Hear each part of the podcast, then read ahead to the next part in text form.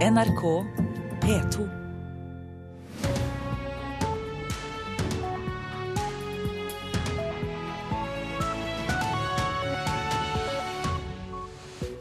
God fredagsmorgen og velkommen til Nyhetsmorgen, der du bl.a. skal få høre mer om dette. Kommunene bosetter flere flyktninger enn noen gang. Lite snø og mildvær til tross, det blir sesongåpning for langrennsløperne. Og rappartisten Carpe Diem kan få unge til å engasjere seg politisk. Det tror ungdomspolitikerne. I studio denne fredagsmorgen, Tor Albert Frøsland. Kommunene bosetter altså flere flyktninger enn noen gang. Det viser siste statusoppdatering fra IMDi, Integrerings- og mangfoldsdirektoratet. Hittil i år er 34% flere flyktninger blitt bosatt i kommunene enn det var på samme tid i fjor. Den siste tiden har det vært folkemøter om flyktninger rundt om i landet, og i går møtte flere opp til møte i Skånland i Troms. Jeg syns det her var kjempefin informasjon. Og det viser seg jo at eh, Skånland kommune har vært veldig eh, forberedt. Nå har jo vi eh, som frivillige engasjert oss veldig, og hadde jo en klesinnsamlingsaksjon til de flyktningene som kom på lørdag. Det er ikke bare vanlige folk som har engasjert seg i arbeidet med flyktninger den siste tida. IMDi hadde registrert vedtak om omtrent 11 600 plasser for bosetting i kommunene for 2015. Hittil i år har kommunene klart å bosette om lag 8300 flyktninger til sammen. Hvis tempoet til kommunene holder fram slik, så kan en komme i mål i løpet av året, sier Bjørn Holden, assisterende direktør i IMDi. Og eh, slik som det nå ser an, så ligger vi an til å bosette mellom 10 500 og 11 000 flyktninger i år. Eh, dersom kommunene nå eh, realiserer de vedtakene og de signalene de har kommet med. De siste statusoppdateringene fra IMDi viser også at kapasiteten til kommunene har økt med nærmere 90 til sammen siden 2012. Og Det er da før vi nå ser konsekvensen av flyktningekrisen og de økte ankomstene til Norge de siste månedene. Kommunene står dermed overfor flere utfordringer, som det å skaffe bosteder og øke omfanget av kommunale tjenester, sier Holden. Dessuten er det litt forskjell mellom kommunene. Medan noen har bosatt flere enn det de i utgangspunktet ble oppmoda til i år, slik som Nittedal kommune, henger andre etter, til dømes Oslo. Men Geir Lippestad, byråd i Oslo med ansvar for mangfold og integrering, sier de vil klare å komme i mål til slutt. Kanskje en 50 til 100 Eh, greier man ikke, og de vil man bosette rett over nyttår. I ettermiddag vil det komme oppdaterte tall på hvor mange flyktninger det er behov for å bosette i Norge i 2016 og 2017. Det er forventa at tallet øker, og Holden mener det skal gå bra hvis kommunene gjør en like bra innsats som nå. Så er det veldig løfterikt med tanke på at vi skal greie å håndtere den store utfordringen vi nå får i 2016 og 2017. Reportere det var Hibba Sarmadawi, Knut Martin Løken og Nils Meren. Staten kan eh, komme til å overprøve kommuner som ønsker å si nei til asylmottak. I Askvoll kommune i Sogn og Fjordane er innbyggerne lei seg fordi det eneste hotellet i mils omkrets nå er blitt kjøpt opp og skal bli mottak for mindreårige asylsøkere. Høyre-ordfører Frida Melvær sier kommunestyret kan nekte omregulering, men staten kan raskt komme til å overprøve vedtaket. Reaksjonene dreier seg nærmest utelukkende om at kommunen skal miste det eneste hotellet som vi har. Fortvilinga er stor i Askvoll. Tanken om at dørene skal stenges og at det eneste hotellet i kommunen skal gjøres om til asylmottak, vekker sterke kjensler. Men fremdeles er ikke alt avgjort. De nye eierne må trolig endre på reguleringsplanen, opplyser kommunen. Dermed har politikerne i det minste i teorien en sjanse til å si nei. Dette bør komme til politisk behandling. Det er ikke en kurant sak å så eh, omdisponere hotelldrifta til et mottak. Men dragkampen kan alt være avgjort. Alt i sommer sendte kommunalministeren ut et rundskriv med klar beskjed om at kommunene raskt og greit skal få på plass nye mottak. Bakteppet er den alvorlige flyktningkrisa. Assisterende fylkesmann i Sogn og Fjordane, Gunnar O. Hereid, sier på generelt grunnlag at en kommune kan overprøves om staten finner det riktig. Kommunaldepartementet har i et ferskt rundskriv streket under at det er viktig samfunnsinteresse etter plan- og bygningsloven å legge til rette for asylmottak. Og Jo nærere det ligger den tidligere bruken av et bygg og omregulere til asylmottak, jo mer blir det krav av grunngjevinger for å avslå mange tanker som går gjennom hodet både på meg og på folk flest akkurat nå. Så vi må få puste og samle oss, og så må vi ta den saken eh, og håndtere den etter beste evne.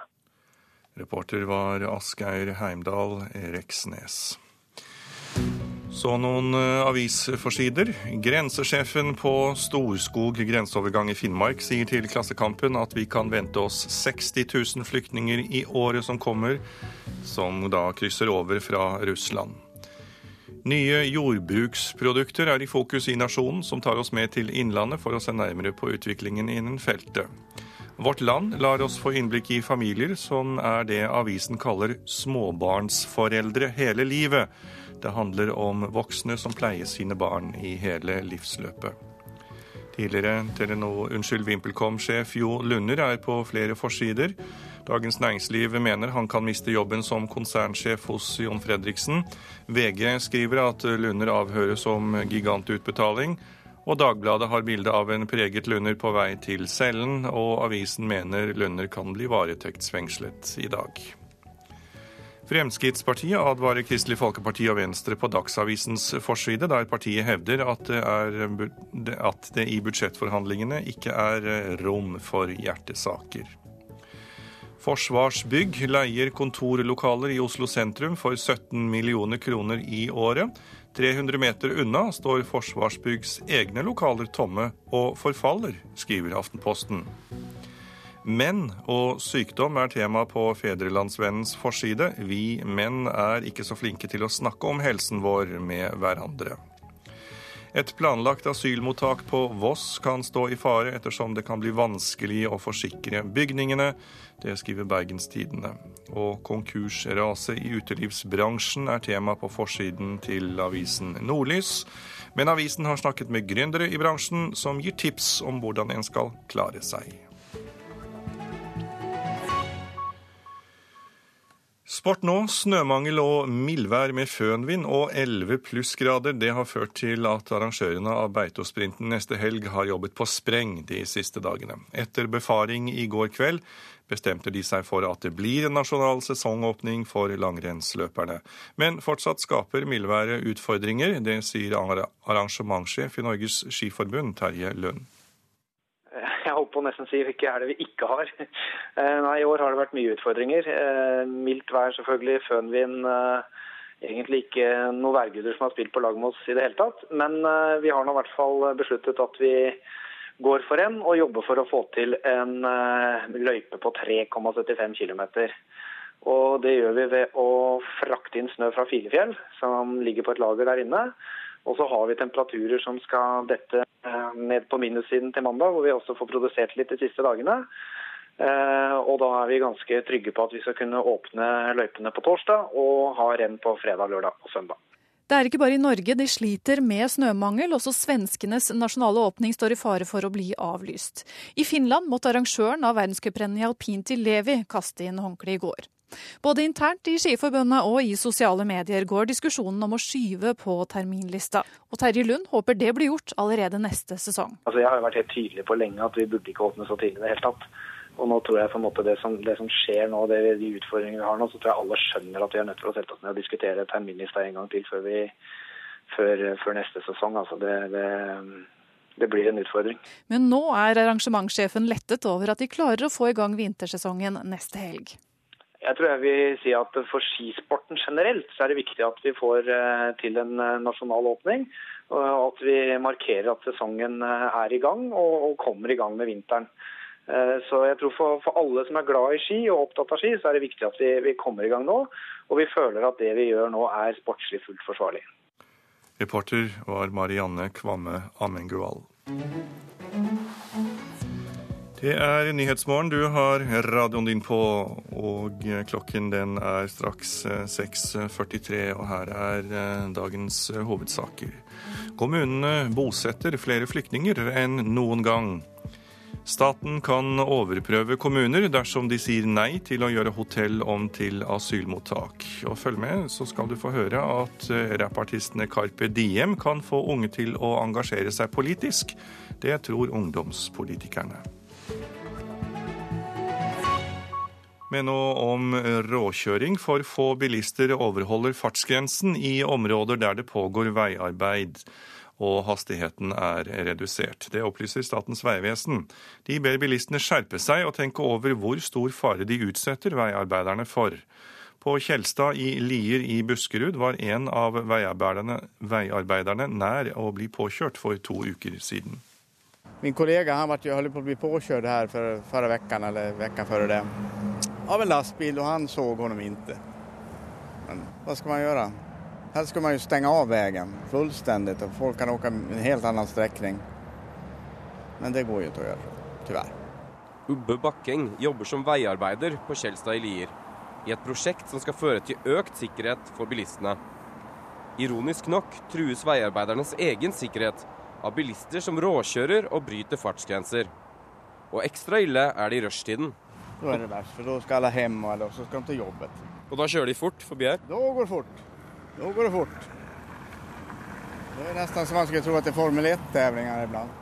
Prosjektleder hos Statens vegvesen, Region Sør, Tore Bråten, kjenner seg godt igjen i virkeligheten som veiarbeiderne her beskriver.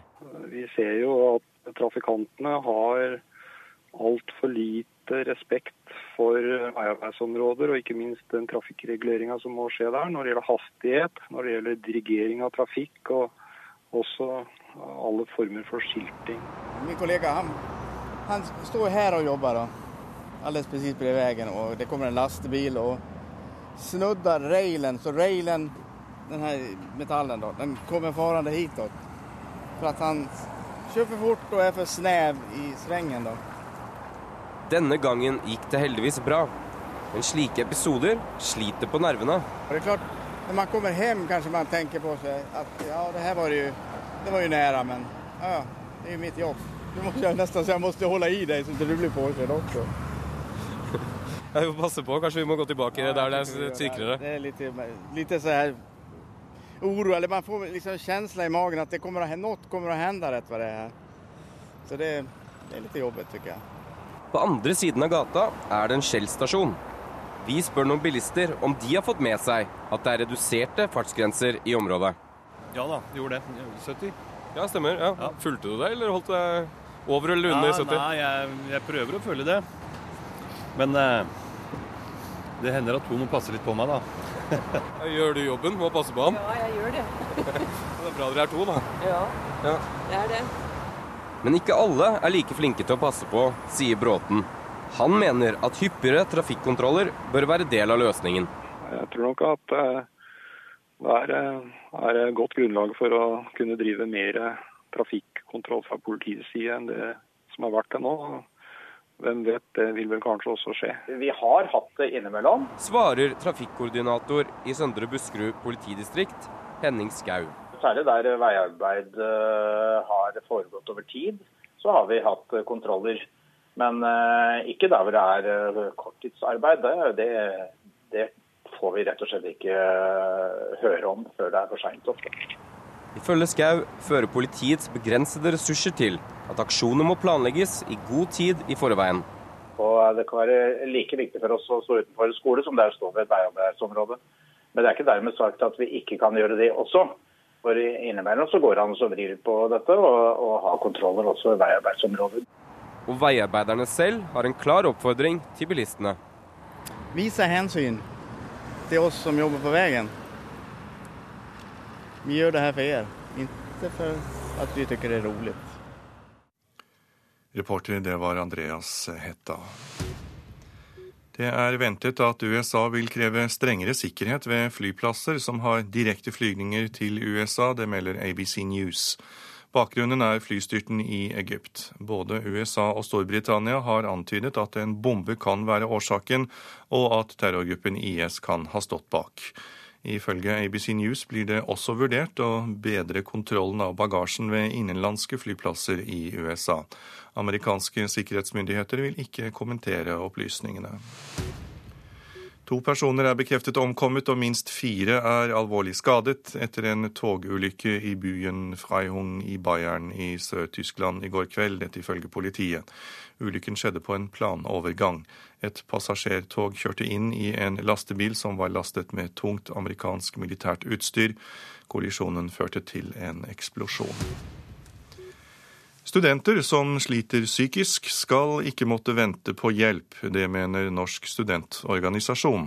Ett år etter at den store studentundersøkelsen viste at hver femte student sliter psykisk, mener de regjeringens innsats på feltet kan ha vært for dårlig.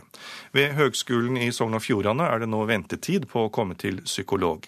Leder i studentparlamentet ved skolen, Ingrid Mo Albrigtsen, har selv kjent hvor vanskelig det er å måtte vente på hjelp. Og Da tok det en god stund før jeg innså at jeg trengte hjelp. Eh, og når jeg først trengte hjelp, så var jeg innom SISOF-kontoret fire ganger, og da var det opptatt hver gang. Å være heltidsstudent og ha krevende verv som leder for studentparlamentet ble til slutt for mye for henne. Å ikke få den hjelpa en trenger, utfordrende, sier hun. Jeg ser jo at eh, det å møte ei stengt dør når jeg har innsett at jeg trenger hjelp, det var, det var ganske vanskelig. Men pågangen fra studenter til den psykososiale tjenesten jo Studentsamskipnaden ved Høgskolen i Sogn og Fjordane blir bare større. For første gang er det nå venteliste for å komme til psykolog. Det forteller rådgiver Elisabeth Nesse Heggestad. Køene på psykologer er jo eh, en kjent eh, sak. Eh, når pågangen er stor, så vil det jo bli venteliste. Men i starten så var det ei uke ventetid. Nå opplever vi at det er kanskje litt over en måned. En landsomfattende undersøking som kom i fjor, synte at studentenes psykiske helse har blitt dårligere de siste fire åra. Hver femte student melder om alvorlige psykiske plager, bare hver tredje som sliter, søker hjelp. Norsk studentunion mener regjeringa har gjort for lite for å bedre studentenes psykiske helse etter dette. Vi krever konkrete tiltak, sier velferdsansvarlig Jørgen Ringen Andersen. Tilbudet rundt om i landet er ikke godt nok som det er nå.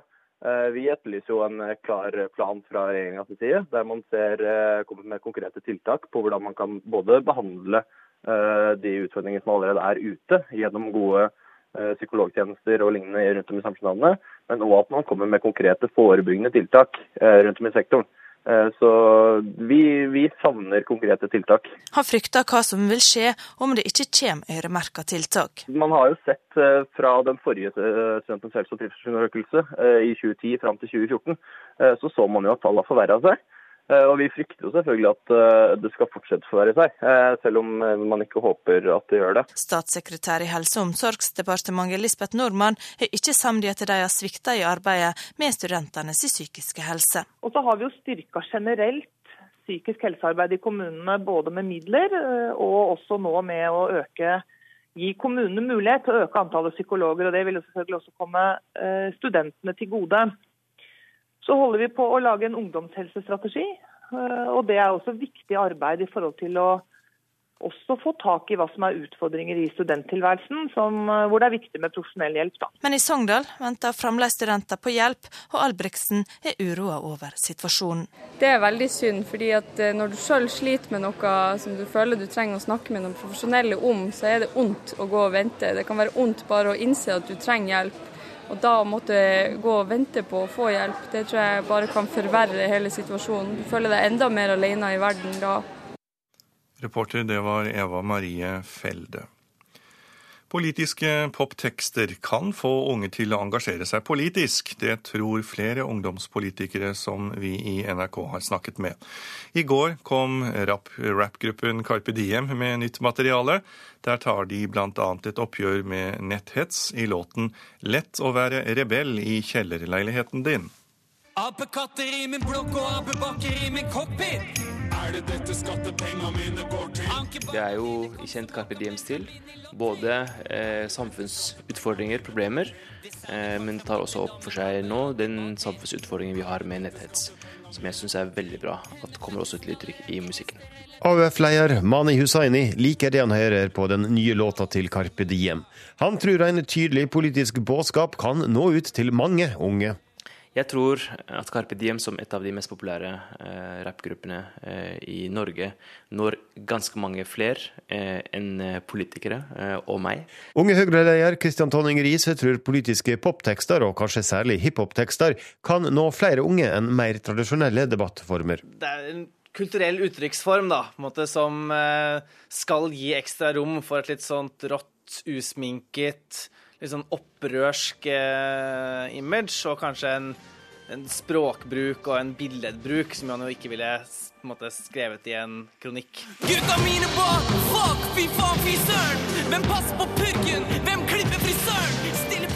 Men leder i Sosialistisk Ungdom, Kaja Lund, tror den største utfordringa for unge i dag er at de mangler en arena for debatt. Men jeg tror at ungdom allerede har en interesse av eh, politikk og samfunn. Jeg tror problemet i dag er at de ikke har en arena der de får lov til å diskutere det sammen med andre um, ja, samfunnsdebattanter som stort sett er voksne. Yo! Snakker vi om selvironi, har jeg mer enn masse. Carpe Diem har vært politiske siden de starta for over ti år siden. Nå handler om å vokse opp med minoritetsbakgrunn, eller hvordan en kan møte politiske meningsmotstandere. La meg tenne på en FPU-kar, stikker av skjæra mi med heftig turtall.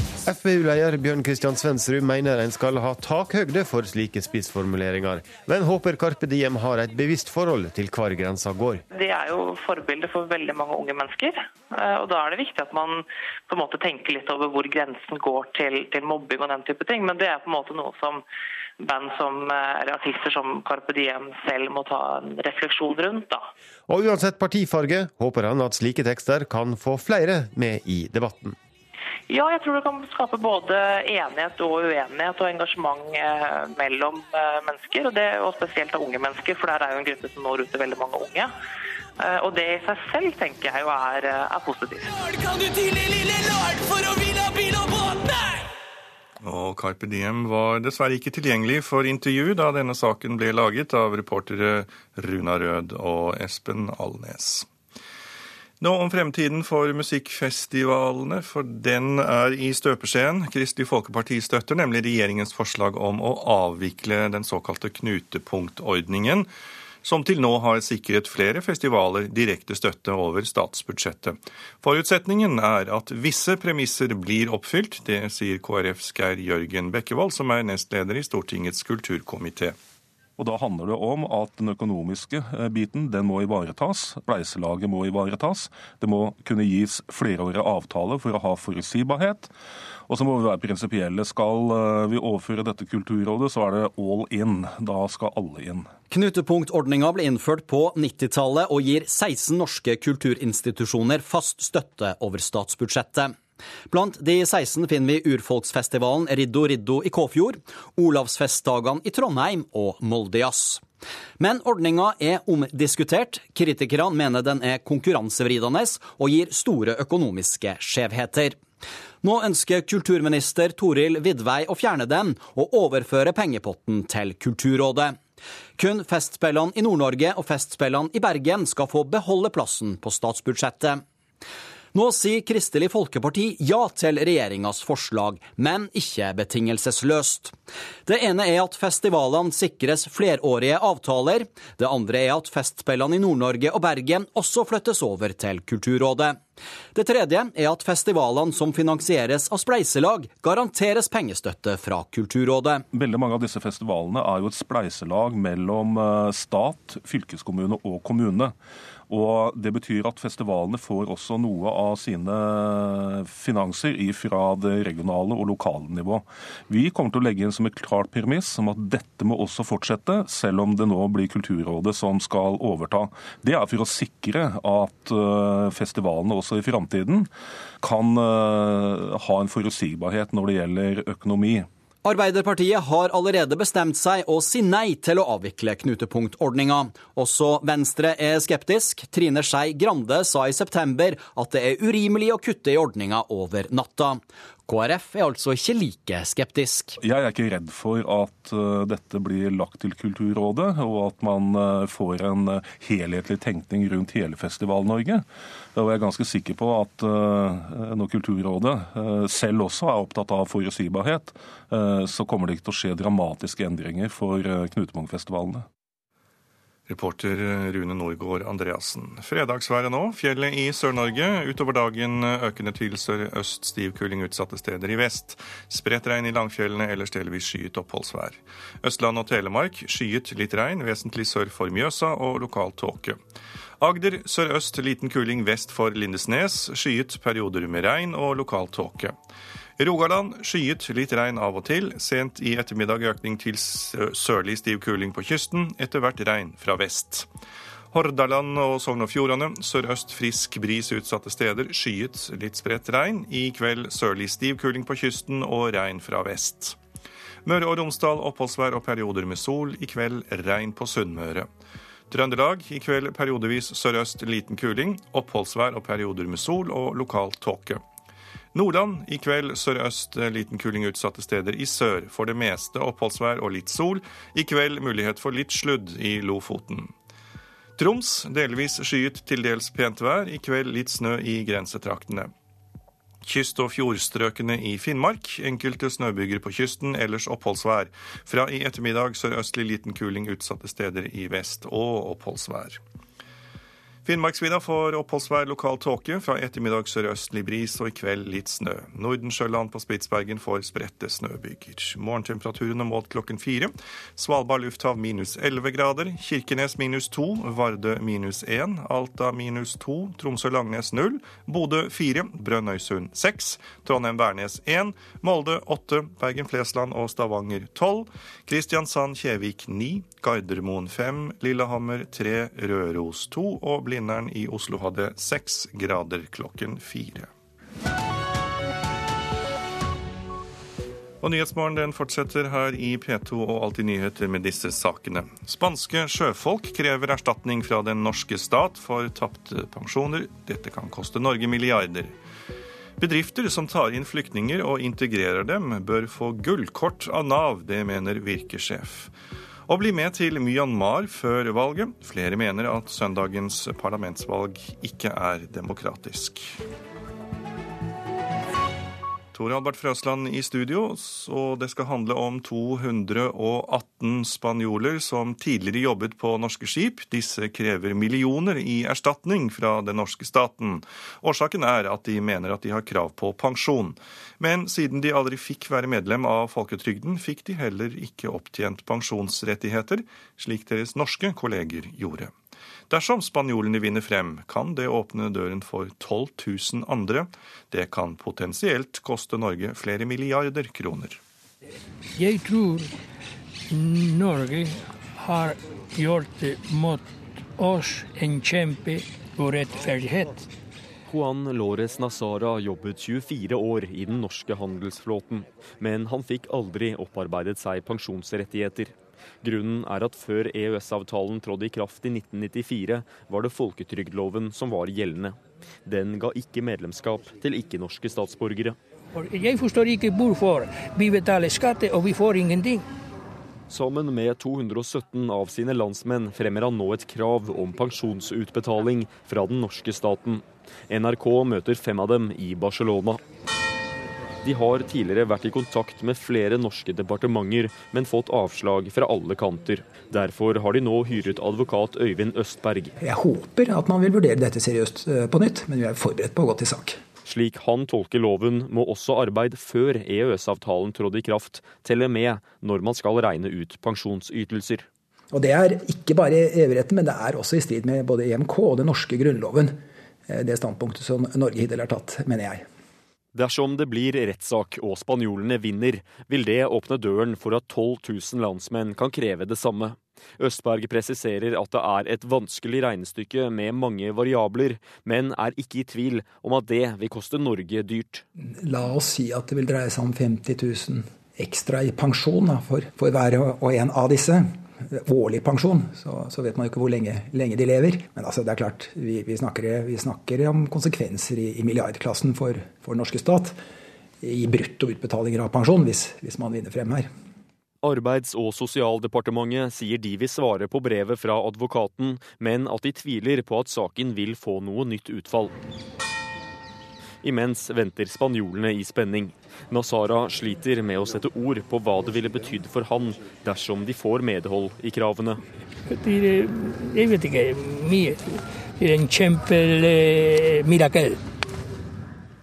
Arbeids- og sosialdepartementet viser til at Sivilombudsmannen tidligere har vurdert saken og konkludert med at Norge ikke har brutt loven. Reportere det var Oda Marie Midbø og Vegard Valestrand. Elisabeth Solvang Koren, du er historiker ved Norsk Maritimt Museum. God morgen og velkommen til eh, Nyhetsmorgen. Spanske sjøfolk går altså til sak mot den norske stat over tapt pensjon. Hva tenker du og syns du om dette? Ja, jeg syns det er en veldig interessant sak, egentlig. fordi at det stiller jo noen spørsmålstegn rundt hvilket ansvar det norske samfunnet har for den gruppen av utenlandske sjøfolk som tross alt har hatt en norsk arbeidsgiver i mange år. Saken har en juridisk side som jeg ikke egentlig vil si noe om, eller mene om. Og så har den jo, som vi hørte i innslaget her, en stor økonomisk side. Eh, og det er jo et faktum at det har jo ikke blitt satt av noe penger til noen pensjon til denne gruppen. Så det er jo ikke noe penger, Til tross for at de har betalt skatt? Ja, fordi at pensjonskassa er på en måte finansiert på en annen måte. Til, men for det tredje så har jo den saken også en moralsk side, kanskje. Eh, og man kan jo stille spørsmål hvor riktig det er å ha folk ansatt i årevis uten å melde dem inn i noen pensjonskasse.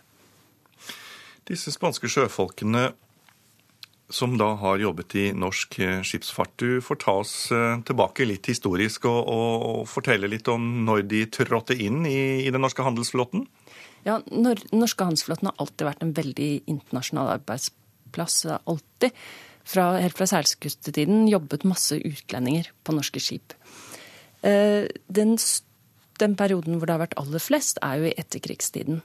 Og da må vi huske at Norge hadde jo en av de, altså 10% av verdens tonnasje var eid av nordmenn. Så dette var en av de største... Ja, vi var en gigant på ja, verdens hav. Dette var en av de altså, virkelig største flåtene i verden. Med, som ble bemannet av opptil 60 000 mann. Og i perioder så var det enkelt å rekruttere nordmenn, og i andre andre periode var det ikke så lett. Så særlig på, i 60-årene så var, jo, var, det jo ca. 25 av de som jobbet på den norske flåten, var utlendinger. Og det jobber øh, også utlendinger i, i, handelsflåten i dag, selv om den da er mye mindre enn da vi var på høyden. Hva slags ansvar har øh, Norge for utlendinger som jobber i, i, skipsfarten i dag? Ja, Det er jo et godt spørsmål. Jeg tror nok øh, norske redere i veldig stor grad har gode ordninger for eh, sine ansatte, men det er nok også mye forskjellig og mye uklart. Ofte så er jo ikke sjøfolk lenger ansatt i rederiet heller, men i bemannings eh, andre ja, driftsorganisasjoner som igjen leier ut mannskap. Men jeg tenker dette er jo i dag et spørsmål ikke bare for, norsk, nei, for utenlandske sjøfolk, men for arbeidskraft generelt. At vi i Norge har ganske gode ordninger, men at vi er avhengig av arbeidstakere i andre land som ikke er så heldige som oss. Takk skal du ha, Elisabeth Solvang Koren. Du er historiker ved Norsk Maritimt Museum. Nå om Nav, som vil satse langt mer penger på språkopplæring for flyktninger og innvandrere. Men arbeidsgiverforeningen Virke mener myndighetene heller burde satse mye mer på bedriftene som læringsarena for norsk. Velvillige bedrifter bør få gullkort av Nav. Det sier leder for arbeidslivspolitikk, Inger-Lise Blyverket. Jeg tenker at Nav og andre statlige aktører må gjøre det retail-ledere gjør hver eneste dag, nemlig å premiere sine beste kunder. Gode arbeidsgivere som inkluderer, tar imot, åpner døra, de må få spesialbehandling, sånn at vi kan få utnyttet de ressursene som finnes på norske arbeidsplasser. Hvis ikke flyktningene og innvandrerne kommer i jobb, blir de i stedet en utgift på statsbudsjettet. Kanskje i lang tid. Derfor er det tid for dugnad, sier Virkes leder for arbeidslivspolitikk, Inger Lise Blyverket. Lønnsnivået i Norge er høyt. Det å eh, få noe lønnstilskudd en periode, mens man gir språkopplæring eller på andre måter sørger for at arbeidskraften eh, kan forsvare lønna si, det er god samfunnsøkonomi. Og nå tror jeg veldig mange arbeidsgivere vil ha muligheten for på kort sikt, og også gå inn i den store samfunnsdugnaden som alle må inn i. Og på lang sikt tenker jeg at vi trenger faktisk ganske mye kompetanse her i Norge. Sier toppsjefen i Nav, Sigrun Vågeng. For alle er enige om at innvandrere må lære seg norsk, men debatten går om hvordan det skal skje. En rekke statlige etater er påkoblet det store arbeidet med å lage planer for å motta titusenvis av flyktninger som skal integreres. Samtidig mister tidligere arbeidsinnvandrere jobben i et presset arbeidsmarked. Det viser nye tall fra Statistisk sentralbyrå. Nå får vi gå inn og se litt hvordan dette ser ut. Men vi vet jo alle at språk er nøkkelen til veldig mye. Eh, vi ser jo blant de som er arbeidsinnvandrere fra før, og som nå har mistet jobben sin, der har jo vi allerede foreslått fra vårt ståsted at eh, de må tilbys norskopplæring. Det sies, sier seg selv at raskt inngang til det norske språket er helt avgjørende. For mannlige innvandrere gikk den registrerte ledigheten opp fra 6,6 til 7,6% det siste året. Mange i denne gruppen må også lære bedre norsk for å få en ny jobb. Men i Virke, som har over 20 000 bedrifter som medlemmer, sier lederen for arbeidslivspolitikk at tempoet må opp. Bedrifter som åpner døren for flyktninger og innvandrere, bør premieres både med støtte og fravær av byråkrati, og med tilskudd til norskopplæring, sier Inger Lise Blyverket. Og dersom vi skal få utnyttet den fantastiske arenaen som norske arbeidsplasser har, både for inkludering, integrering, språkopplæring og det å bli en del av det norske samfunnet, så er vi nødt til å ta den norske småbedriftseieren på alvor. Da er det å rydde vekk alt som heter byråkrati, og alt som heter mistillit. Utfordringene vi står overfor nå er så store at vi må tørre å stole på den norske folkesjela og den norske modellen som faktisk er bygd på tillit. Eh, og det tror jeg kanskje både Nav-direktører og andre statlige eh, aktører er nødt til å ta en runde på kammerset for å finne ut hvordan vi skal få brukt offentlige kroner på best mulig måte. Reporter Hedvig Bjørgum. Nå om den eh, tidligere VimpelCom-sjefen Jo Lunder, for vi har nettopp fått inn eh, melding om at Lunder permitteres fra alle sine roller i Fredriksen-gruppen inntil videre, fordi han er under etterforskning i den såkalte VimpelCom-saken. Dette er det Fredriksen-gruppen selv som eh, opplyser nå på morgenkvisten. Samtidig fremstilles Lunder for varetektsfengsling i dag. Det sier forsvareren hans Cato Schjøtz etter at Lunder ble pågrepet på Oslo lufthavn eh, på onsdag. Siktelsen eh, gjelder en utbetaling på 30 millioner dollar til en konto i Sveits i 2011, da Lunder var toppsjef i det russiske telekomselskapet. Siktelsen mot tidligere VimpelCom-sjef Jo Lunder kan koste ham jobben som konsernsjef i Fredriksen-gruppen. Etter det Dagens Næringsliv forstår, vil en langvarig etterforskning i regi av Økokrim kunne gjøre det umulig for Lunder å fortsette i toppjobben. Lunder ble pågrepet av Økokrim da han kom til Oslo lufthavn fra London onsdag kveld og satt i avhør i hele går. Han er siktet for grov korrupsjon i forbindelse med VimpelComs investeringer i Usbekistan. Selskapet er under etterforskning i flere land for å ha betalt bestikkelser for å komme seg inn i mobilmarkedet i diktaturet. Telenor sitter på 33% av aksjene i selskapet. Lunder hevder at han ikke har medvirket til korrupsjon, og sier at alt han vet er formidlet til de rette myndighetene. Reporter det var Torunn Grymer.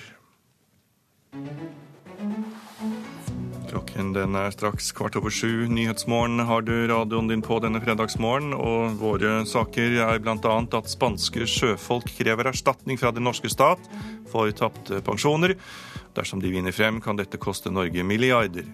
Bedrifter som tar inn flyktninger og integrerer dem, bør få tilskudd til lønn og norskopplæring av Nav. Det mener Virkesjef. Og følg med, amerikanskproduserte raketter kan slå tilbake regimets eh, russiskstøttede offensiv sentralt og nordvest i Syria. Det mener toppoffiserer i den frie syriske hæren. Men nå får du bli med til Myanmar, for der er det i dag siste dag av valgkampen før stemmelokalene åpner i helgen. Men midt i all entusiasmen er det også store grupper som er plassert helt utenfor den politiske prosessen, og som ikke synes valget landet nå avholder er spesielt demokratisk.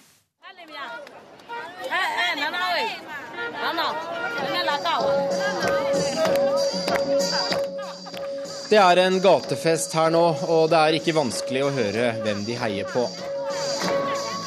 De flere hundre rødkledde her utenfor den gamle britiskbygde jernbanestasjonen i Yangon, som nesten tar seieren på forskudd. Bildene av Aung San Suu Kyi henger overalt. Hun står sterkt blant velgerne her i hovedstaden.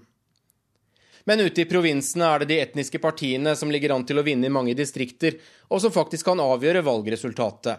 Det er slett ikke sikkert at det er Aung San Suu Kyi og hennes parti NLD som får velge dette landets neste president. I store områder langs Myanmars grenser mot India og Kina er valget rett og slett avlyst. Stemmelokalene kommer aldri til å åpne, og folk får ikke delta. Sikkerhetsgrunner er årsaken som oppgis.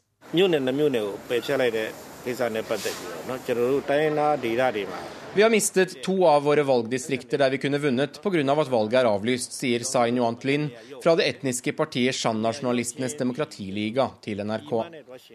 Undertrykkingen av etniske stemmer innebærer at når landets president skal velges av parlamentet etter valget, vil det være to færre etniske representanter.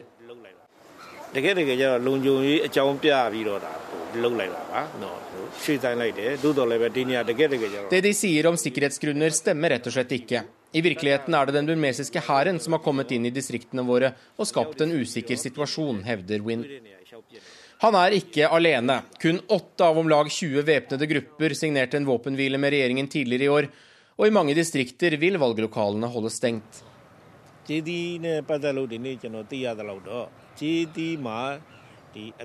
Ifølge meldinger jeg har fått i dag, er det demonstrasjoner i et av distriktene våre nå, der folk krever at valget avholdes som planlagt i det området.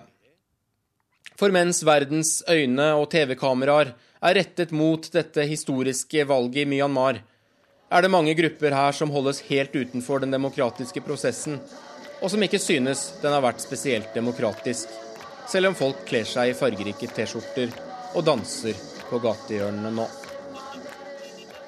Peter Svår Yangon.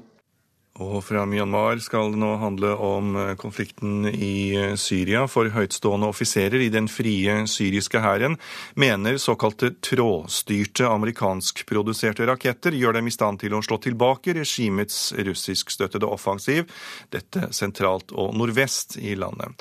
Og de mener også at rakettene har tvunget russerne ett steg nærmere forhandlingsbordet.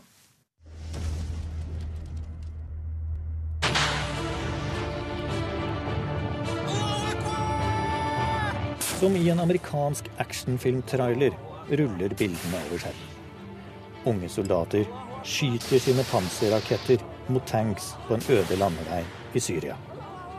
Nå mener flere sentrale aktører og høytstående offiserer i den frie syriske armeen at de amerikanskproduserte Tow-rakettene har drevet tilbake den syriske hæren og deres allierte og tvunget dem til forhandlingsbordet.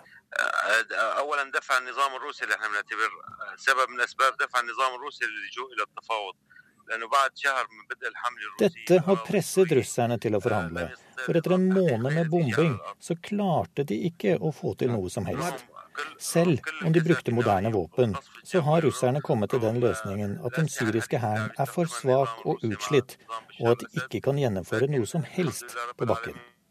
Det forteller Jamil Saleh til NRK på en litt dårlig telefonlinje fra det nordlige Hama-distriktet, der han er offiser i den frie syriske hæren, som hver dag kjemper mot Assads soldater. For med russisk luftstøtte har Bashar al-Assads styrker kjempet for å gjenerobre provinsene Hama og Idlib. Nå mener de at Tau-raketten har avgjort slaget og kan bidra til at partene møtes til forhandlinger.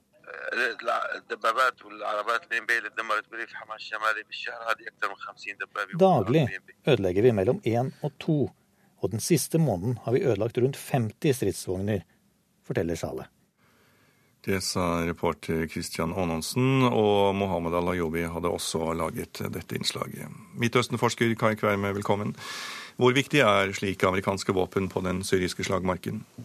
Ja, det er jo klart at Disse Tau-rakettene som man snakker om her, var jo veldig viktige. Vi så jo det helt i starten på, på en måte den russiske interveneringen, hvor opprørerne i, i, i ett slag klarte å, å, ødelegge rundt 20 stykker av, av regimestridsvogner. Men det er jo klart, altså, det er nok en noe optimistisk tone, dette her. Man mangler jo eh, foreløpig bakke-til-luft-raketter. Ja, for, for våpen som kan skyte ned fly og helikoptre, det vil ikke amerikanerne bidra med? Det vil vil ikke amerikanerne bidra med, holdt jeg på å si, foreløpig, i hvert fall man har hørt fra enkelte arabiske land, eh, som snakker høylytt om å, å, å, gi slike våpen til opprørerne, men har foreløpig ikke gjort det, må man anta pga. veldig sterk amerikansk motstand.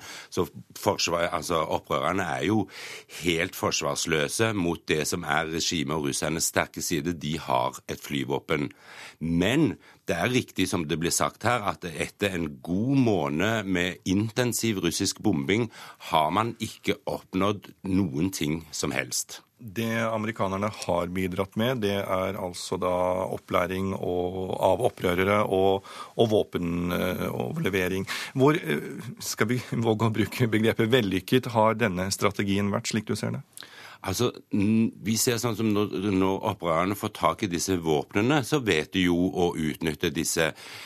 Hva slags opplæring amerikanerne egentlig driver med i Syria, er litt vanskelig å si. fordi offisielt så lærer man bare opp styrker som slåss mot IS, ikke mot regimet. Det programmet har vært en katastrofe for amerikanerne. Altså Her for en måned siden så snakket man om at det var to soldater som hadde vært gjennom dette opplegget, som slåss på bakken i Syria. Og Det skyldes jo nettopp at disse gruppene man da vil støtte, slåss både mot regimet og mot IS. Og det, da vil ikke amerikanerne støtte dem. Men russerne er jo også inne, som vi har snakket om. Hvor lenge tror du stormaktene kommer til å skal vi si, orke å engasjere seg i denne konflikten?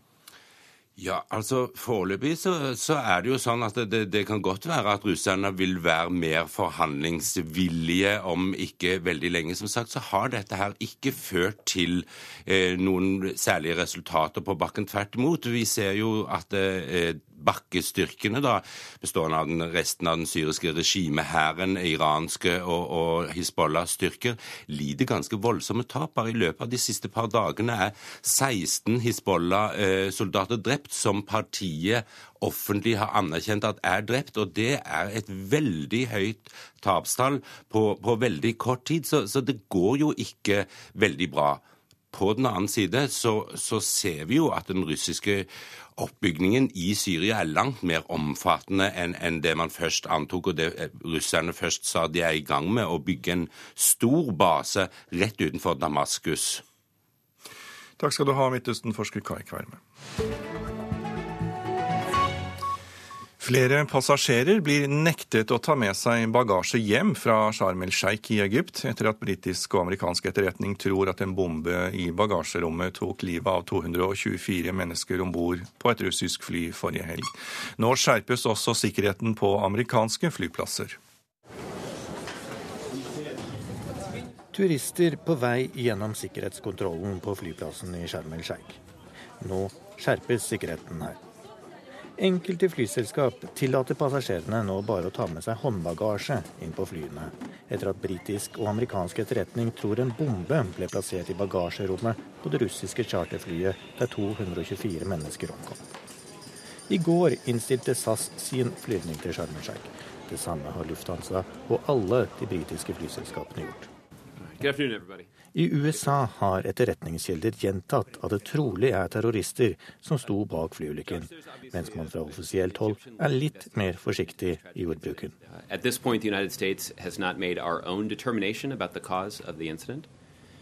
However, we can't rule anything out, including the possibility of terrorist involvement. USA har ikke konkludert med hva som forårsaket ulykken, men vi kan ikke utelukke at det var en terrorhandling fortalte pressesekretæren i Det hvite hus John Ernst pressen sent i går kveld. Men som en direkte konsekvens av ulykken er det ventet at sikkerheten på amerikanske flyplasser vil bli skjerpet allerede i dag. Tilbake i Egypt så fortsetter myndighetene i landet å insistere på at det er altfor tidlig å konkludere med hvorfor det russiske charterflyet styrtet, og at landets flyplasser følger internasjonale standarder. Det sa reporter Christian Aanensen. Noen avisforsider nå. Grensesjefen på Storskog grenseovergang i Finnmark sier til Klassekampen at vi kan vente oss 60 000 flyktninger i året som kommer til å krysse over fra Russland. Nye jordbruksprodukter er i fokus i Nasjonen, som tar oss med til Innlandet for å se nærmere på utviklingen innen feltet. Vårt Land lar oss få innblikk i familier som er det avisen kaller småbarnsforeldre hele livet. Det handler om voksne som pleier sine barn i hele livsløpet. Tidligere VimpelCom-sjef Jo Lunder er på flere forsider. Dagens Næringsliv mener han kan miste jobben som konsernsjef hos John Fredriksen. VG skriver at Lunder avhøres om gigantutbetaling, og Dagbladet har bilde av en preget Lunder på vei til cellen, og avisen mener Lunder kan bli varetektsfengslet i dag. Frp advarer Kristelig Folkeparti og Venstre på Dagsavisens forside, der partiet hevder at det i budsjettforhandlingene ikke er mye rom for hjertesaker. Forsvarsbygg leier kontorlokaler i Oslo sentrum for 17 millioner kroner i året. 300 meter unna står Forsvarsbyggs egne lokaler tomme og forfaller, skriver Aftenposten. Menn og sykdom er tema på Fedrelandsvennens forside. Vi menn er ikke så flinke til å snakke om helsen vår med hverandre. Et planlagt asylmottak på Voss kan stå i fare ettersom det kan bli vanskelig å forsikre bygningen, skriver Bergenstidene. Og et nytt prosjekt i Bergen skal få flere til å fullføre videregående skole. Alle elever med høyt fravær skal automatisk få tilbud om time hos helsesøster. Forskning viser at 40% av dem som slutter, ikke er i kontakt med helsesøster. Jeg tar imot de på en god måte. Jeg tar alltid et håndtrykk for å kjenne litt på temperaturen. Noen er veldig anspent og klamme i hånden eh, og kjenner ubehag. Vi er på helsesøsters kontor på Garnes videregående skole. Helen Haugland Nesbø tar imot elever som av ulike grunner ønsker hjelp. Det er alt fra reseptutskriving på p-piller, til klamydiatesting, til litt mer angst, depresjon. Men det er langt fra alle videregående elever som får hjelp av helsesøster eller psykolog. Forskning fra Uni Research viser at 40% av de som dropper ut av videregående skole, ikke er i kontakt med helsesøster. Problemene blir ikke fanget opp. Målet er jo at flere elever skal kunne klare å gjennomføre videregående skole og få et vitnemål. Det sier Ingrid Oma Langeland. Hun leder et prosjekt i Bergen kommune som skal bidra til mindre frafall i videregående skole. Elevene som sliter og begynner å skulke timer, skal fanges opp og få tilbud om time hos helsesøster. Det skal hindre at de slutter på skolen. Vi har laga konkrete rutiner for samhandling mellom skolehelsetjenesten og skolene i forhold til oppfølging av fravær. Der elevene etter så og så mye fravær får tilbud om samtale med helsesøster og skolehelsetjenesten. Ifølge Langeland er det ofte i gymtimene fraværet viser seg først. Elevene som skulker tre gymtimer på rad, skal derfor automatisk få tilbud om time hos helsesøster. Vi trenger egentlig en eh, skolehelsetjeneste som er tilgjengelig hver dag hele tiden. Det sier elevrådsleder på Garnes videregående, Mathilde Tunestveit Knutsen. Hun har tro på at samtale med helsesøster kan hjelpe flere og hindre frafall. Du skal eh, trene mye, du skal se bra ut, du skal gjøre det bra på skolen, du skal jobbe, du skal ha mange venner. Og da er det veldig lett at eh, mange møter veggen eller knekker sammen omtrent. Mm. Og eh, reporter her, det var eh, Siri Løken. Du lytter til eh, Nyhetsmorgen. I reportasjen etter Dagsnytt kan du bli med til Bolivia, der en indianerleder hylles av en finansavis.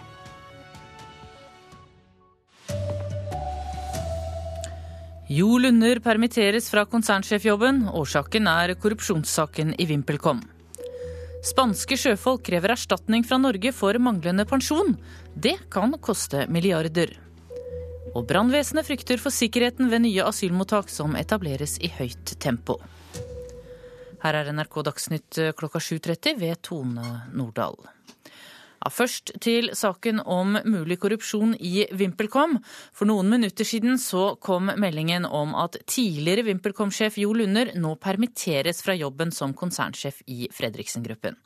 Lunder er siktet for å ha bidratt til korrupsjon, og han skal fremstilles for varetektsfengsling senere i dag. Reporter Torunn Grymer, hva er siste nytt i denne saken? Ja, Det kom akkurat nå melding om at eh, Lunder permitteres fra alle rollene sine i Fredriksen-gruppen, og fordi han er under etterforskning i VimpelCom-saken. Siktelsen kan komme til å koste ham jobben. Eh, Dagens Næringsliv skriver i dag at en langvarig etterforskning i regi av Økokrim vil kunne gjøre det umulig for Lunder å fortsette i toppjobben. Fredriksen sa til avisen i mai at han er helt klar på at han har nulltoleranse for korrupsjon. Hva skal skje i denne saken i dag? Nå er Lunder siktet og framstilles i dag for varetektsfengsling. Han ble pågrepet av Økokrim da han kom til Oslo lufthavn fra London onsdag kveld og satt i avhør i hele går.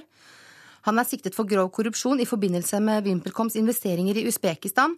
Han hevder at han ikke har medvirket til korrupsjon, og sier at alt han vet er formidlet til de rette myndighetene. Selskapet er under etterforskning i flere land for å ha betalt bestikkelser for å komme seg inn i mobilmarkedet i diktaturet, og Telenor sitter på 33% av aksjene i selskapet. Takk, Torun Torunn Grymer. Britiske passasjerer får nå ikke ta med seg bagasjen sin hjem fra Sharm el-Sheikh i Egypt. Det skjer fordi britisk og amerikansk etterretning mener det var plassert en bombe i lasterommet på flyet som styrtet etter avgang fra Sharm el-Sheikh i helgen. 224 mennesker mistet liv i flystyrten. Nå skjerpes også sikkerheten på amerikanske flyplasser. Turister på vei gjennom sikkerhetskontrollen på flyplassen i Sharm el-Sheikh. Nå skjerpes sikkerheten her. Enkelte flyselskap tillater passasjerene nå bare å ta med seg håndbagasje inn på flyene, etter at britisk og amerikansk etterretning tror en bombe ble plassert i bagasjerommet på det russiske charterflyet der 224 mennesker omkom. I går innstilte SAS sin flyvning til Sharm el-Sheikh. Det samme har Lufthansa og alle de britiske flyselskapene gjort. I USA har etterretningskilder gjentatt at det trolig er terrorister som sto bak flyulykken, mens man fra offisielt hold er litt mer forsiktig i ordbruken.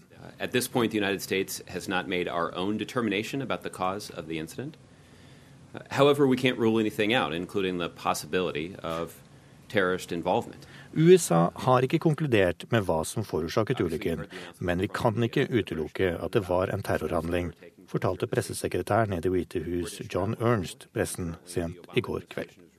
Men som en direkte konsekvens av ulykken er det ventet at sikkerheten på amerikanske flyplasser vil bli skjerpet allerede i dag.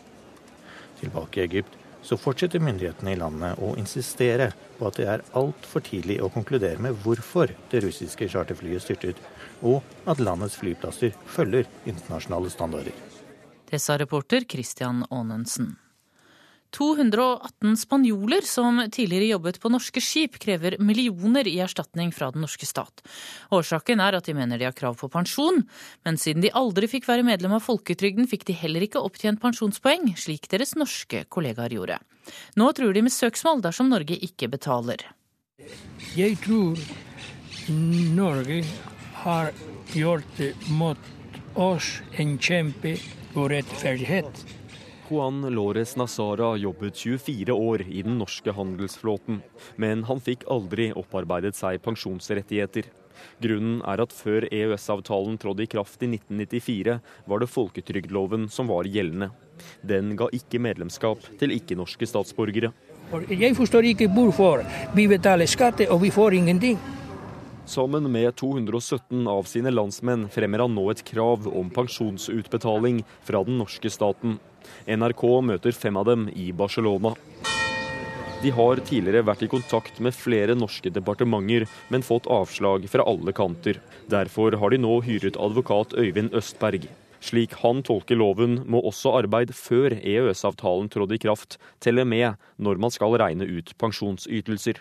Hvis ikke bryter man bl.a. med Den europeiske menneskerettighetskommisjonen, EMK. Og Det er ikke bare EU-retten, men det er også i strid med både EMK og den norske grunnloven. Eh, det standpunktet som Norge hittil har tatt, mener jeg. Arbeids- og sosialdepartementet sier de vil svare på brevet fra advokaten, men at de tviler på at saken vil få noe nytt utfall. Imens venter spanjolene i spenning.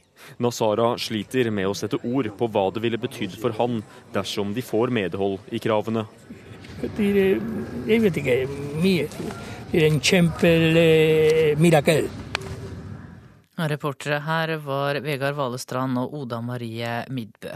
Arbeids- og sosialdepartementet viser til at Sivilombudsmannen tidligere har vurdert saken, og konkludert med at Norge ikke har brutt loven. 114 mennesker ble evakuert fra en boligblokk på Ullevål sykehus i Oslo pga. brann i natt. Brannen skal ha startet i en madrass, og politiet undersøker nå om brannen er påsatt. Og høyt tempo i etableringen av asylmottak må ikke gå utover brannsikkerheten. Direktoratet for samfunnssikkerhet og beredskap minner nå kommunene om at også idrettshaller og andre midlertidige bygg må oppfylle kravene til brannsikkerhet.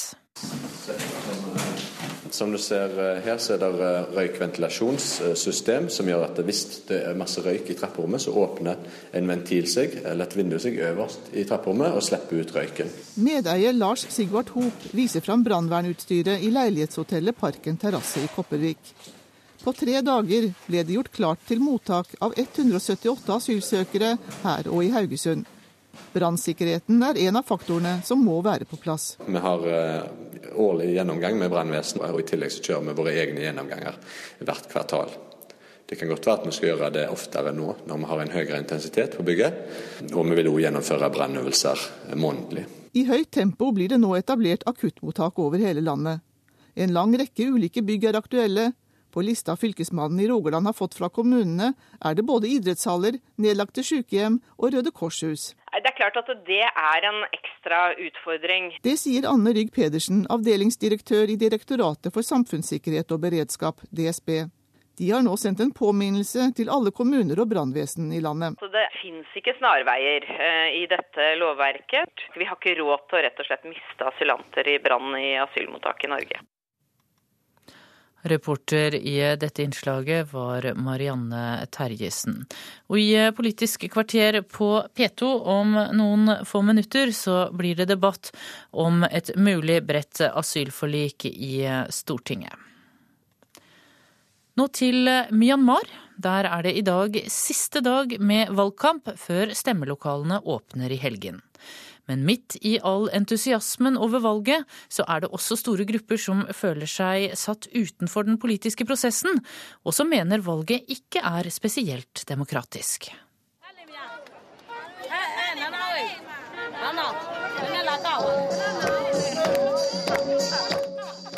Det er en gatefest her nå, og det er ikke vanskelig å høre hvem de heier på. De flere hundre rødkledde her utenfor den gamle britiskbygde jernbanestasjonen i Yangon, som nesten tar seieren på forskudd. Bildene av Aung San Suu Kyi henger overalt. Hun står sterkt blant velgerne her i hovedstaden. Men ute i provinsene er det de etniske partiene som ligger an til å vinne i mange distrikter, og som faktisk kan avgjøre valgresultatet. Det er slett ikke sikkert at det er Aung San Suu Kyi og hennes parti NLD som får velge dette landets neste president. I store områder langs Myanmars grenser mot India og Kina er valget rett og slett avlyst. Stemmelokalene kommer aldri til å åpne, og folk får ikke delta. Sikkerhetsgrunner er årsaken som oppgis.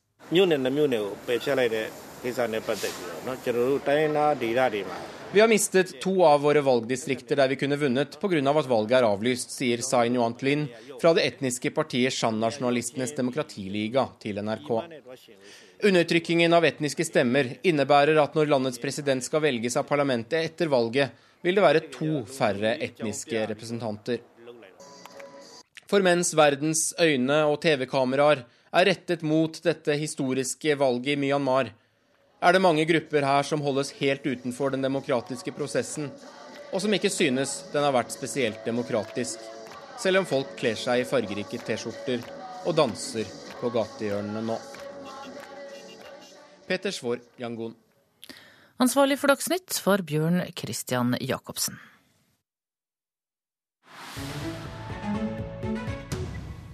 Og her i Nyhetsmorgen så skal du få høre at en verdenskjent finansavis hyller en venstre-radikal president og indianerleder i Sør-Amerika. Og hvorfor gjør avisen det? Jo, fordi han gjør en god jobb. På et kontinent der mye går galt, er Bolivias president Evo Morales et stort lyspunkt. Kan det være fordi han har andre verdier enn koloniherrenes etterfølgere? Arnt Stefansen i Rio har sendt oss denne reportasjen.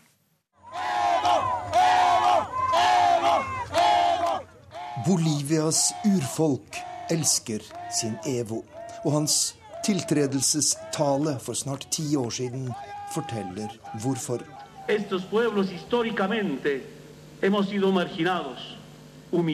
Vi, urfolket, er gjennom historien blitt diskriminert og ydmyket, hatet og foraktet, og vi er blitt dømt til utryddelse. Men vi er her fortsatt. Og i dag starter en ny tid, for vi har tatt makten i eget hus for første gang på et halvt tusen år. I dag er plassen foran presidentpalasset fylt av våre søstre og brødre. For få tiår siden var det forbudt for urfolk å være her, sier Bolivias president. Da Evo Morales kom til makten i januar 2006, valgte han et gammelt ordtak fra Andesfjellene som motto. Amasua, amayuya, amakeya du skal ikke stjele, du skal ikke lyve, og du skal ikke være lat. Nå i høst fremførte han det samme budskapet fra FNs talerstol under åpningen av hovedforsamlingen i New York.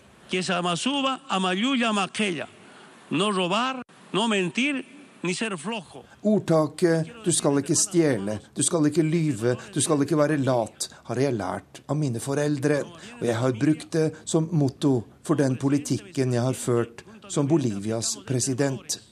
Dette er leveregler som sikrer et godt styresett, og de er særlig viktige i en region preget av korrupsjon, maktmisbruk og lav produktivitet, sier Evo Morales. Og hovedforsamlingen vedtar en resolusjon som gjør ordtaket fra Bolivia til et motto for alle FNs medlemsland. President Evo Morales' vei til suksess har ikke vært enkel. Han fikk voldsom kritikk da han tok kontroll over landets olje- og gassressurser. Han kom på kollisjonskurs med USA i spørsmålet om dyrking av coca-planten, og hans bitre strid med landets hvite elite førte nesten til at Bolivia ble delt i to. Men i dag er de fleste enige om at hans styre har vært en lykke for landet, sier den kjente bolivianske kommentatoren Farid Kahat.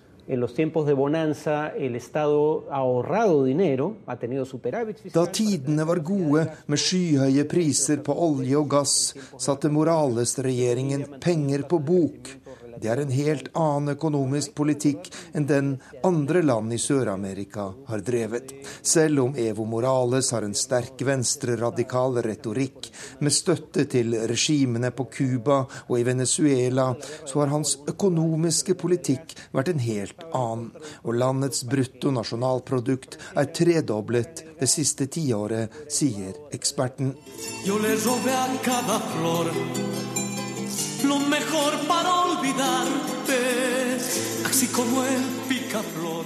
Bolivia er det eneste landet i Sør-Amerika der urfolket er i flertall. Og denne befolkningen har opplevd en enorm sosial og økonomisk fremgang etter at Morales kom til makten. Og vi har eh, disse hovedsakene i eh, Nyhetsmorgen denne fredagen. Jo Lunder permitteres fra alle sine roller i Fredriksen-gruppen inntil videre, fordi han er under etterforskning i VimpelCom-saken. Spanske sjøfolk krever erstatning fra den norske stat for tapte pensjoner. Dette kan koste Norge milliarder. Bedrifter som tar inn flyktninger og integrerer dem, bør få tilskudd til lønn og norskopplæring av Nav. Det mener Virke-sjef. Og staten kan overprøve kommuner dersom de sier nei til å gjøre hotell om til asylmottak. Håvard Grønli er klar med Politisk kvarter, der partisamtalene om et asylforlik er oppe til debatt.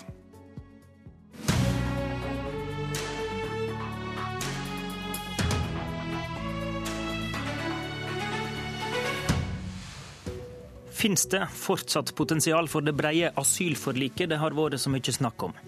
Eller kan Frp sikre innstramminger med knappast mulig flertall? Politisk kvarter prøver å finne ut hva dette kan ende med. Gjester i dag er Frp, Ap og KrF. God morgen i studio i Ålesund, Harald Tom Nesvik, parlamentarisk leder i Frp. God morgen. Etter FrPs gruppemøte i forgårs jobber nå de to regjeringspartiene på Stortinget med å konkretisere innstrammingstiltak. Og um, Din kollega i Høyre, Trond Helleland, han sa i går at denne lista da trolig blir presentert over helga.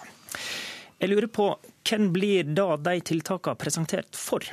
Det er alltid slik at uh, Fremskrittspartiet og Høyre som regjeringsparti uh, har en avtale med Kristelig Folkeparti og Venstre om alltid å gå først til Kristelig Folkeparti og, Venstre for, for, å søke et, et, bredt samarbeid der i forbindelse med alle saker som vi behandler på mm. Stortinget. Men det sier seg sjøl at også disse sakene her, så er det en fordel å få flest mulig partier til å stå sammen om disse innstrammingsvedtakene. Så her vil vi invitere alle partier til å være med på, eh, på de innstrammingsforslagene okay. som man fremmer.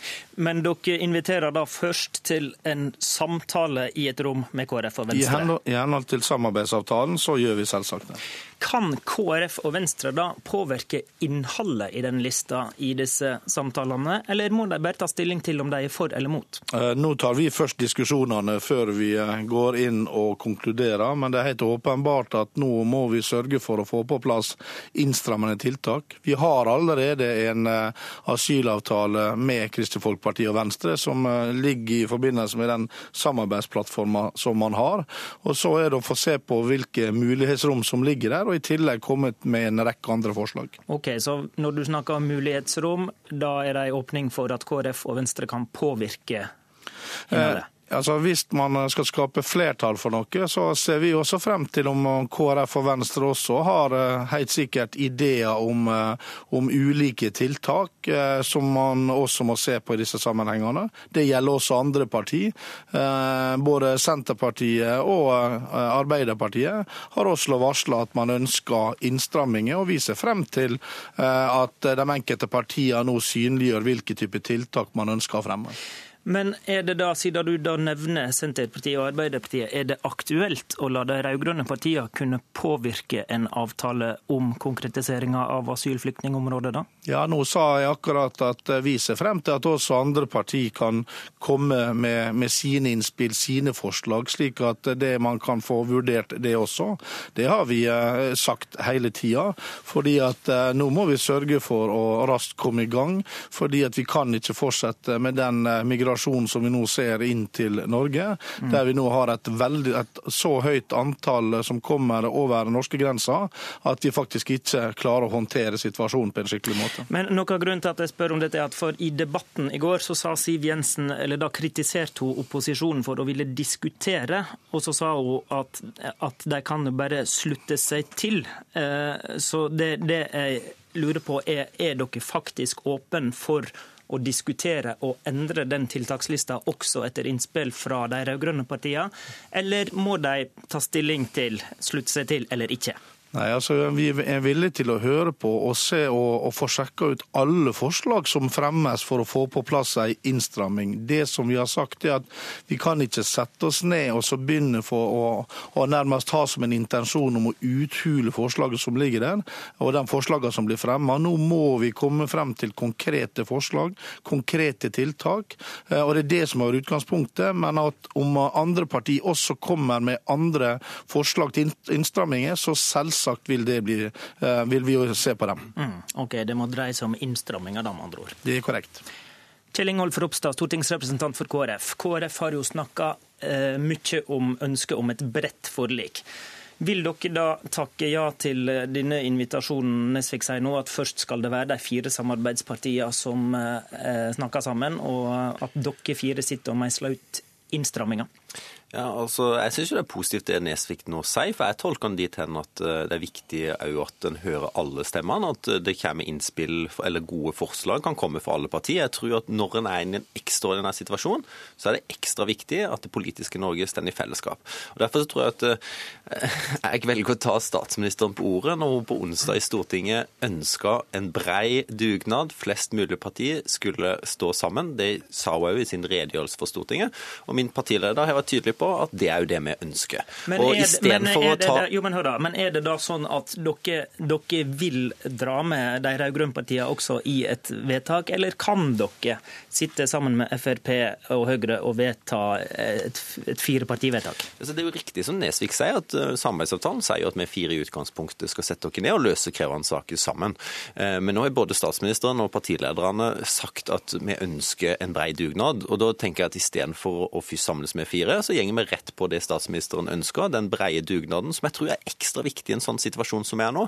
Fordi at det er noe med at eh, Norge jeg har ikke vært vant til, jeg har ikke opplevd en sånn situasjon som dette. Og skal du klare å løse det, så tror jeg det politiske Norge må vise at vi stender sammen. Eh, når statsministeren er ute for eksempel, og, og, og frykter at en kan få fremmedfrykt, og derfor er det viktig å kutte bistand og ikke andre saker, så tror jeg jeg vil også si at jeg tror det er viktig at det politiske Norge stender mest mulig samla. Noen må ofre sine saker Men- for at vi kan få et mest mulig bredt flertall som representerer flest mulig av befolkningen. Men Nesvik sier nå at det er dere fire som skal samtale om dette først. Aksepterer dere det oppsettet? Jeg hører Nesvik si det, men jeg har nå så tillit og troverdighet til det statsministeren sier, at jeg forventer at det hun har sagt i Stortinget, er det som kommer til å skje. Nesvik. Altså, eh, I henhold til samarbeidsavtalen som man, eh, man har oss fire partier imellom, og det regner med også Ropstad fortsatt står inne for, hans partileder har i hvert fall gjort det, og, og det er at eh, vi i alle saker så diskuterer man først de fire partiene. Det som vært, vi, og, vi fra regjeringspartiet har vært veldig klar på, er at det vi må diskutere nå, det er de innstrammingstiltakene som er helt nødvendig at vi får på plass, og vi får på plass disse raskt. Så har regjeringa allerede varsla at når det gjelder andre ting innenfor dette feltet, det går på det som har med det budsjettmessige å gjøre, det må nå kjøres eh, for seg. Der pågår det jo forhandlinger i Stortinget. Det løpet må gå. Der skal man ha ferdig en finansinnstilling 20.11. Men eh, selvsagt, et bredest mulig flertall for alle forslag er jo alle interessert i. Og selvsagt så er vi også interessert i å høre også Arbeiderpartiet og Senterpartiet, som har varsla og nå at de går inn for innstramming på en del tiltak. Men Og nå skal vi høre. Arbeiderpartiet, Nesvik, for Trond Giske sitter her. Eh, Arbeiderpartiet var veldig kritisk til Frp eh, i går. Ap-leder Støre var ute og hevda at eh, partiet skaper forvirring. Men som du hører Nesvik her nå, inviterer han dere ikke faktisk inn, eller hvordan hører du dette? Altså Det er veldig vanskelig å tolke. Vi er i hvert fall veldig åpne for å være med på gode løsninger. Eh, Statsministeren inviterte jo til dette for en måned siden. Eh, For en uke siden kom de konkrete forslagene fra regjeringspartiene Høyre og Frp. Og på mandag skulle vi møtes for å begynne å diskutere dette. Da fikk vi beskjed om at Frp ikke var klar til å gå inn i substansen, men at de måtte sjøl først finne ut egentlig om de støtta disse forslagene fra regjeringa, eller om de forslagene som kom fra Høyre og Frp i regjering, var nok. Eh, Og Det er jo en litt underlig form for parlamentarisme at regjeringspartiene Høyre og Frp først må få tilslutning fra regjeringspartiene Høyre og Frp før de kan begynne å snakke med KrF og Venstre og med oss. Men vi respekterer jo selvfølgelig at vi er i opposisjon. Høyre, Frp, KrF og Venstre er det flertallet som styrer Norge. Men når vi blir invitert inn til et eh, bredt forlik, så sier vi selvfølgelig ja til det. Men så må jeg si, selvfølgelig skal det handle om innstramming. 40 000 eh, asylsøkere til Norge i løpet av et år. Det er eh, rekordmye og er på grensa av hva vi kan eh, håndtere rent kapasitetsmessig. Men det må også handle om hjelp i nærområdene, det må handle om god integrering, om å styrke kommunene, sørge for god norskopplæring, sørge for at man raskest mulig kommer ut i arbeid. Og ikke minst så er det en diskusjon om inndekning. Skal vi ta dette fra verdens fattigste, eller skal vi finne andre måter å dekke dette på? Alt dette er jo en del av et slikt forlik. Det er jo ikke bare spørsmål om strengere familiegjenforening eller, eh, Hvis- eller andre innstrammingstiltak. Hvis de fire ikke blir enige, er Arbeiderpartiet eh, budd på å kunne danne et alternativt flertall for regjeringa sine forslag til innstramminger? Ja, vi er egentlig beredt til alt, vi. Eh, Dette er en helt ekstraordinær eh, krise. Vi har en eh, rekordhøy tilstrømming til Norge nå med Frp i regjering. Men vi er jo veldig forundra over hvordan dette håndteres. Frp sier at man ønsker innstramming i kontantstøtteordninga. Vel, Frp har barne- og familieministeren. Frp sier at de ønsker innstramming i eh, folketrygdsreglene. Frp har arbeids- og sosialministeren. Frp sier at de trenger et strengere regelverk og raskere asylbehandling. Frp har justisministeren. Ja, men Er ikke det greit at de konkretiserer den lista som du egentlig drar nå, da? Jo da, men det vanlige i Norge er jo at de statsrådene som har den utredningskapasiteten, den innsikten, det regelverket som man forvalter, Legg dette fram for Stortinget. Men det Frp sier at nei, regjeringa har ikke gjort jobben godt nok. Vi stoler ikke på våre egne statsråder, ikke på Robert Eriksson, mm. Eh, ikke på, på, på, de andre. Eh, og dette må vi håndtere i FrPs gruppe, og så skal vi andre sitte og vente mens det haster å få gjort noe. Nesvik. Ja, eh, det, det, er klart at nå, nå henviser Trond Giske sjøl til parlamentarismen, og man sitter i en mindretallsregjering. For Stortingets side så har det Stortinget som fatter lovvedtak. Det er Stortinget som fatter bevilgninger, og det vet Trond Giske veldig godt. Når det gjelder asyltilstrømninga, så tror jeg den eh, ville pågått akkurat nå, uansett hvem som hadde sittet i regjering. Men, men hvorfor, var det, hvorfor var det, nødvendig å, å, å, konkretisere den lista som regjeringa la fram på fredag, mer, da? Jo, for en del av det som ligger der, er knytta til vurderingsmessigheten. Og til slutt så må man komme til Stortinget for å få de endelige vedtakene for å gå videre, fordi det er Stortinget som fatter de konkrete vedtakene. Det vi gjør nå, er at vi kan gå inn og så har vi konkretisert opp en del av eh, innholdet i dette, slik slik at Stortinget kan fatte si vedtak og regjeringa kan iverksette umiddelbar beslutning. Det er det som det dreier seg om. Det er det som parlamentarismen også dreier seg om. Nettopp at det er Stortinget som er den lovgivende og bevilgende myndighet, og mm. gir den marsjordren. I tillegg, men hvis jeg bare kan få ta den biten der nå. Eh, og det er knytta til, eh, til, hva man skal diskutere. Ja, altså, for Fremskrittspartiets side har vi hele tida sagt vi kan ikke sette oss ned og, så, eh, og, og diskutere hele det breie asyl- og innvandringsspørsmålet nå nå. Nå må vi sørge for å få på plass de innstrammende tiltakene. I, til, I den forbindelse har også regjeringa varsla mm. at man vil komme med integreringsmelding. Det budsjettmessige som Trond Giske knytter, som tar opp her, knytta til det bevilgningsmessige, ja det er, i det tillegget. Det ligger i statsbudsjettet allerede nå, og der forhandler man om de tinga. Og der venter vi nå på de eh, innspillene også fra KrF. Vi skal høre mer Ropstad om det. Er det greit å begrense dette til, begrens... Nei, unnskyld, til innstramminger? Eh, ja, langt på vei så er det jo det. Eh, det er riktig som Nesvik sier at det skal komme en egen stortingsmelding om integrering. Men det er klart at noe av det som har budsjettmessige konsekvenser, er jo forslagene fra regjeringa om å kutte i norskopplæring. Eh, og vi tror at her må en tenke to ting på en gang. En skal både klare å håndtere den ekstraordinære situasjonen der det kommer titusenvis, samtidig som en skal se at 80% av de som iallfall kommer fra, fra visse områder, kommer til å ha, få opphold i Norge og derfor må integreres. Og jeg vil bare si det at uh, med... så, så, dere vil snakke om integrering også i denne sammenhengen? Ja, jeg tror det, altså det er jo en del av det som uh, regjeringa har lagt fram til Stortinget. Og jeg tror det er lurt at vi forholder oss til det partilederen i Frp la fram for Stortinget, og at det er utgangspunktet for forhandlingene. Giske? Ja, det er ikke noen tvil om at En del av den akutte krisa vi står i nå, er jo kommunenes kapasitet til å ta imot disse folkene. Vi hørte på TV i går, ordfører etter ordfører sier at dette er veldig vanskelig å håndtere. Så det må jo være en helt åpenbar del av det. Gode mottakssentraler. Men så bare helt til slutt. Frp fikk jo allerede i 2013 fullmakt fra et flertall i Stortinget til å stramme inn på familiegjenforening, til å stramme inn på midlertidig opphold, til å styrke norskferdigheter og til å effektivisere saksbehandlinga, redusere klagemulighetene. NRK talte opp i, går 13 av 18 innstramningstiltak som ble vedtatt i 2013 er ikke gjennomført av regjeringa. Da, da er det jo forunderlig at Nesvik nå skal ha en idédugnad for å finne ut hva man skal gjøre. Da skal Nesvik få svar på det til slutt. Ja. Hvorfor ikke bare gjennomføre her, Nesvik? Ja, for det er derfor det, Den vedtakene vi fremmer nå, eh, er nettopp for å iverksette. Når det gjelder det som har med de innstrammende tiltakene som man har i forbindelse med eh, samarbeidsavtalen, ja, så er jo nettopp problemet her at der fikk man altså beskjed fra Kristelig Folkeparti om at man måtte ikke være så opptatt av nettopp det som har med det å, å sende ut og stramme inn. men men også se på de andre tinga eh, i en større sammenheng. Når det gjelder det med norskopplæring, så vet også Ropstad det går rett og slett på kapasitet. Det går på å ha muligheten til å gi god norskopplæring til dem som skal være her. Det er Superkort til slutt, Nesvik. Er det aktuelt å lage et alternativt flertall, bl.a. med Arbeiderpartiet? Ti sekunder. Eh, regjeringspartiene kommer til å søke flertall der flertallet finnes. Vi går alltid først til KrF og Venstre, men det er innstrammingstiltakene som her er viktige. Takk til Harald Tom Nesvik, Trond Giske og Kjell Ingolf Ropstad. I studio var Håvard Grønli.